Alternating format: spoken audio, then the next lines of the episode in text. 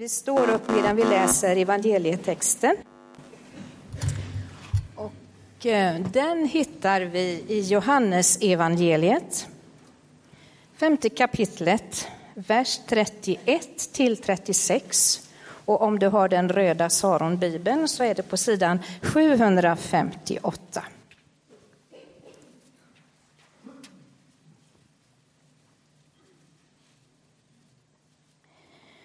Om jag själv vittnar om mig är mitt vittnesbörd inte giltigt.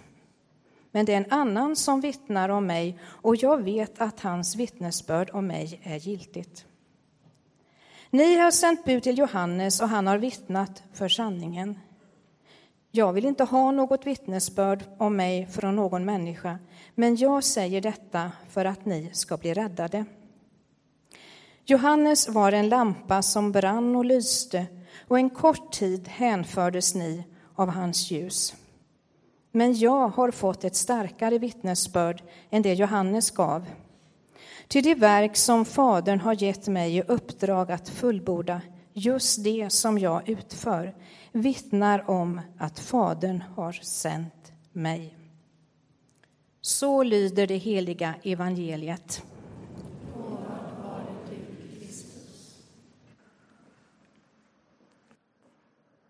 Jesus sa, den som dricker av det vatten jag ger honom blir aldrig mer törstig. Det vatten jag ger blir en källa i honom med ett flöde som ger evigt liv. Kvinnan som hörde de orden för första gången hon svarade Herre, ge mig av det vattnet så att jag aldrig blir törstig och behöver gå hit efter vatten. Kanske är du här idag för att du törstar och vill hämta från den källan. Törstar du så vet du och förstår du vad det är att vilja få sin törst släckt.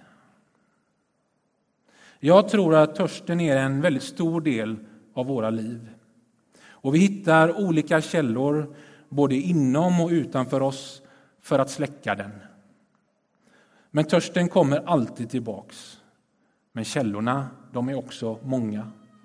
Men så kan vi komma till en gräns. Nu orkar jag inte gå inåt eller någon annanstans för det släcker inte min törst.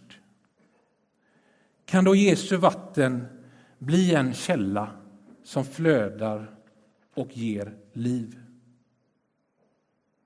Just idag så kanske vi har olika svårt att tro det, att han är den källan. Men som kyrka så kan vi tro det tillsammans. Tillsammans kan vi tro att Jesu vatten kan bli en källa inom oss med ett flöde som ger liv. Jesus har efter 30 års tid börjat sitt uppdrag i det offentliga. 30 år tillsammans med sin familj, antagligen vid sin pappa Josefs sida som snickare. Jesus hade lärt sig av sin pappa, som på då, den tiden var situationen så att en son lärde sig av sin far. Och efter Jesu dop, som en offentlig uppenbarelse på Jesu identitet som Guds son och på hans uppdrag hade han nu börjat sitt offentliga uppdrag. I det uppdraget gjorde han det som han hade lärt sig av sin himmelske fader. Jesus sa, sonen kan inte göra något av sig självt, utan bara det han ser fadern göra. Vad fadern gör, det gör också sonen. Och det verket i sig vittnar om att fadern har sänt Jesus. Men Jesus är ifrågasatt. Först blir han ifrågasatt för att han gör en sjuk man frisk på sabbaten. Hans svar på den kritiken leder att de vill döda honom då han påstått sig att Gud är hans svar och att han jämställde sig med Gud. Och dagens evangelientext, det vi alldeles nyss hörde, är svaret han ger på den kritiken, eller en del av det svaret på den kritiken. Och Jesus han följer inte sin egen vilja utan Faderns vilja som har sänt honom. Inte för att han inte har någon vilja och inte vill bestämma, utan för att Jesus och Fadern är ett. Och för att, för att försöka förstå de som kritiserar honom om detta så kommer han in på just detta med vittnesbördet som vi hörde i texten. Jesus vittnar inte om sig själv, utan det finns någon annan. Och denna någon annan, det är inte Johannes döparen. Även om Johannes hade vittnat om sanningen då han vittnade och var en röst om att Jesus är Guds lam, att Jesus är den som döper den heliga anden och att han är Guds son. Men att Johannes vittnesbörd det var tillfälligt, det brann och lyste under en kort tid. Man hänfördes av det av hans vittnesbörd. Men Jesus har fått ett ännu starkare vittnesbörd. Och det vittnesbördet är hans uppdrag som han ska fullborda. Och när han utför det uppdraget så vittnar det om att Gud, Fadern, har sänt honom. Och när Jesus utför det uppdraget så blir människors respons Ge mig av det vattnet. Gör mig ren. Herre, förbarma dig. Kom till min räddning. Jesus blir en källa som ger liv. Hans uppdrag visar det, människors respons visar det. I Jerusalem så fanns ett bad som hette Betesda. De hade, det hade fem pelargångar och i de här pelargångarna samlades de sjuka. Vi får veta i Johannes kapitel 5 att de var blinda, lama och lytta. Och lister på kategorier gör ofta att vi glömmer bort personen. Men låt oss inte göra det, utan påminna oss om att de blinda och lama och lytta i texten är som oss. Vid badet och någonstans bland de här pelargångarna så finns en man som har varit sjuk länge. Han har varit sjuk i 38 år. Och han längtar efter att få gå ner i bassängen. Jag tänker mig att det är varmt vatten men på grund av sin sjukdom så hinner han inte i bassängen innan någon annan hinner före honom. Och Vi får reda på den här detaljen, tänker jag, för att han är en av oss. Detaljerna avslöjar individen. Och När Jesus får reda på att mannen har varit sjuk länge så frågade Jesus honom Vill du bli frisk? Och mannen blev frisk och tog sin bädd och gick. Då blev de arga på Jesus för att han gjorde mannen frisk på sabbaten. Och sen blev de ännu argare för att han jämställde sig med Gud. Och Jesus säger då i sitt svar på den kritiken Ty det verk som Fadern har gett mig i uppdrag att fullborda, just det som jag utför, vittnar om att Fadern har sänt mig. En man var sjuk i 38 år, tog sin bädd och gick. Just det som Jesus utförde vittnar om att han var sänd av Fadern. Och ett sätt att förklara det uppdraget att det blir som en livets källa. Jesu uppdrag det var stort. Han blev hyllad, han blev efterfrågad men det ledde honom också till utanförskap, förnedring, lidande och död. Men det blev aldrig för stort för Jesus så han glömde bort dess kärna, dess varför. Människor. Mannen vid bassängen som ville bli frisk. Kvinnan som ville få sin törst släckt. Gud ser den lilla människans behov, alltså våra behov. Uppdraget skymmer inte människan, då uppdraget handlar om sådana som oss. Hur kan vi få del av livets källa? Hur kan vi bli räddade? Från den källan får vi nu hämta liv och det leder till evigt liv.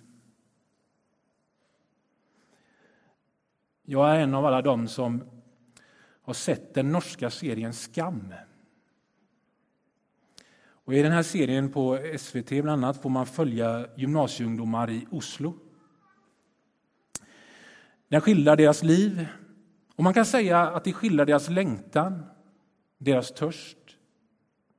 Och när den gör det så skildrar den också människans längtan och törst.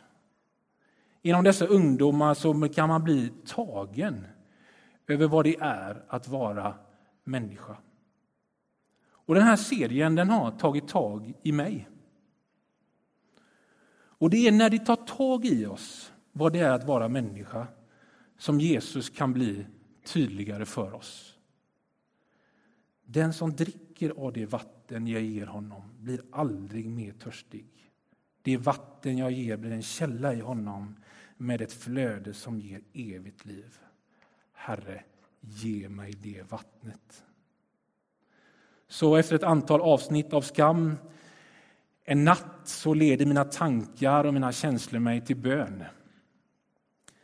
Känslan av ensamhet tränger på. Vad, vad händer med livet? Vart tar det vägen? Saknaden väcks till liv. Livets bräcklighet och skörhet gör sig påmint. Det är natt och livet tränger på.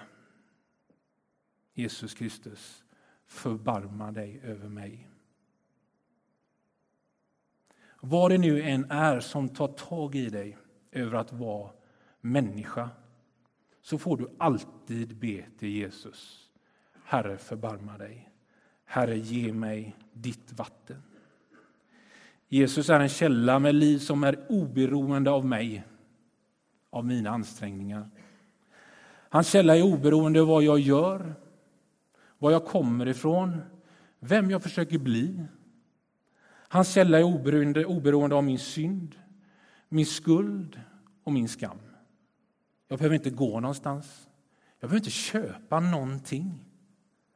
Och det är att bli räddad. Det är att bli räddad från mig själv och världens alla makter. Det blir Jesus och jag.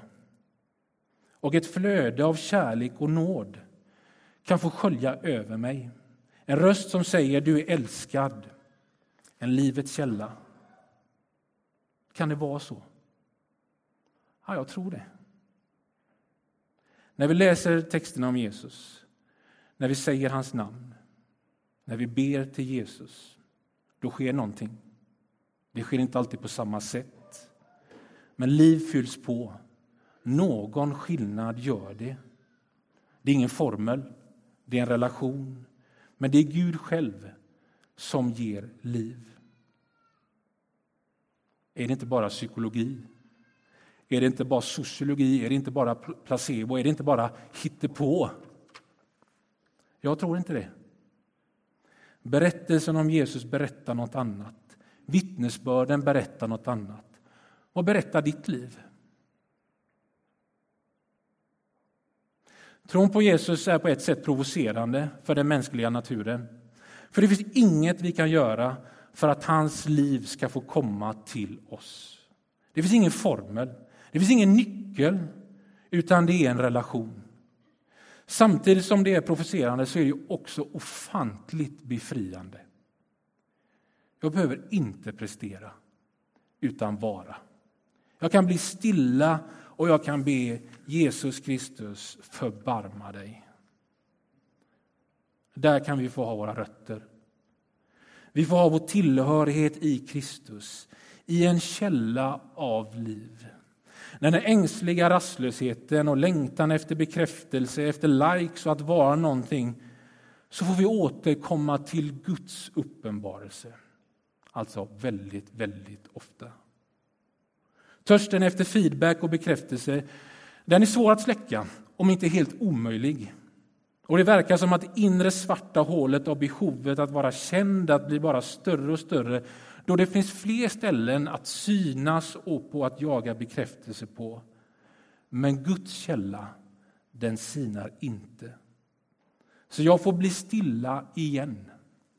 Jag får låta Jesu vatten flöda in i mina tankar och känslor. Jag är inte vad jag försöker vara, utan jag är för att Gud vill att jag ska vara. I Uppenbarelsebokens vision om hur Gud blir allt i alla kan vi läsa i avslutningen om att anden och bruden säger Kom. Och den som hör det ska säga Kom. Och den som törstar skall komma. Och den som vill ska få dricka av livets vatten. Vi får redan nu börja praktisera den visionen. Hör du anden? Kom.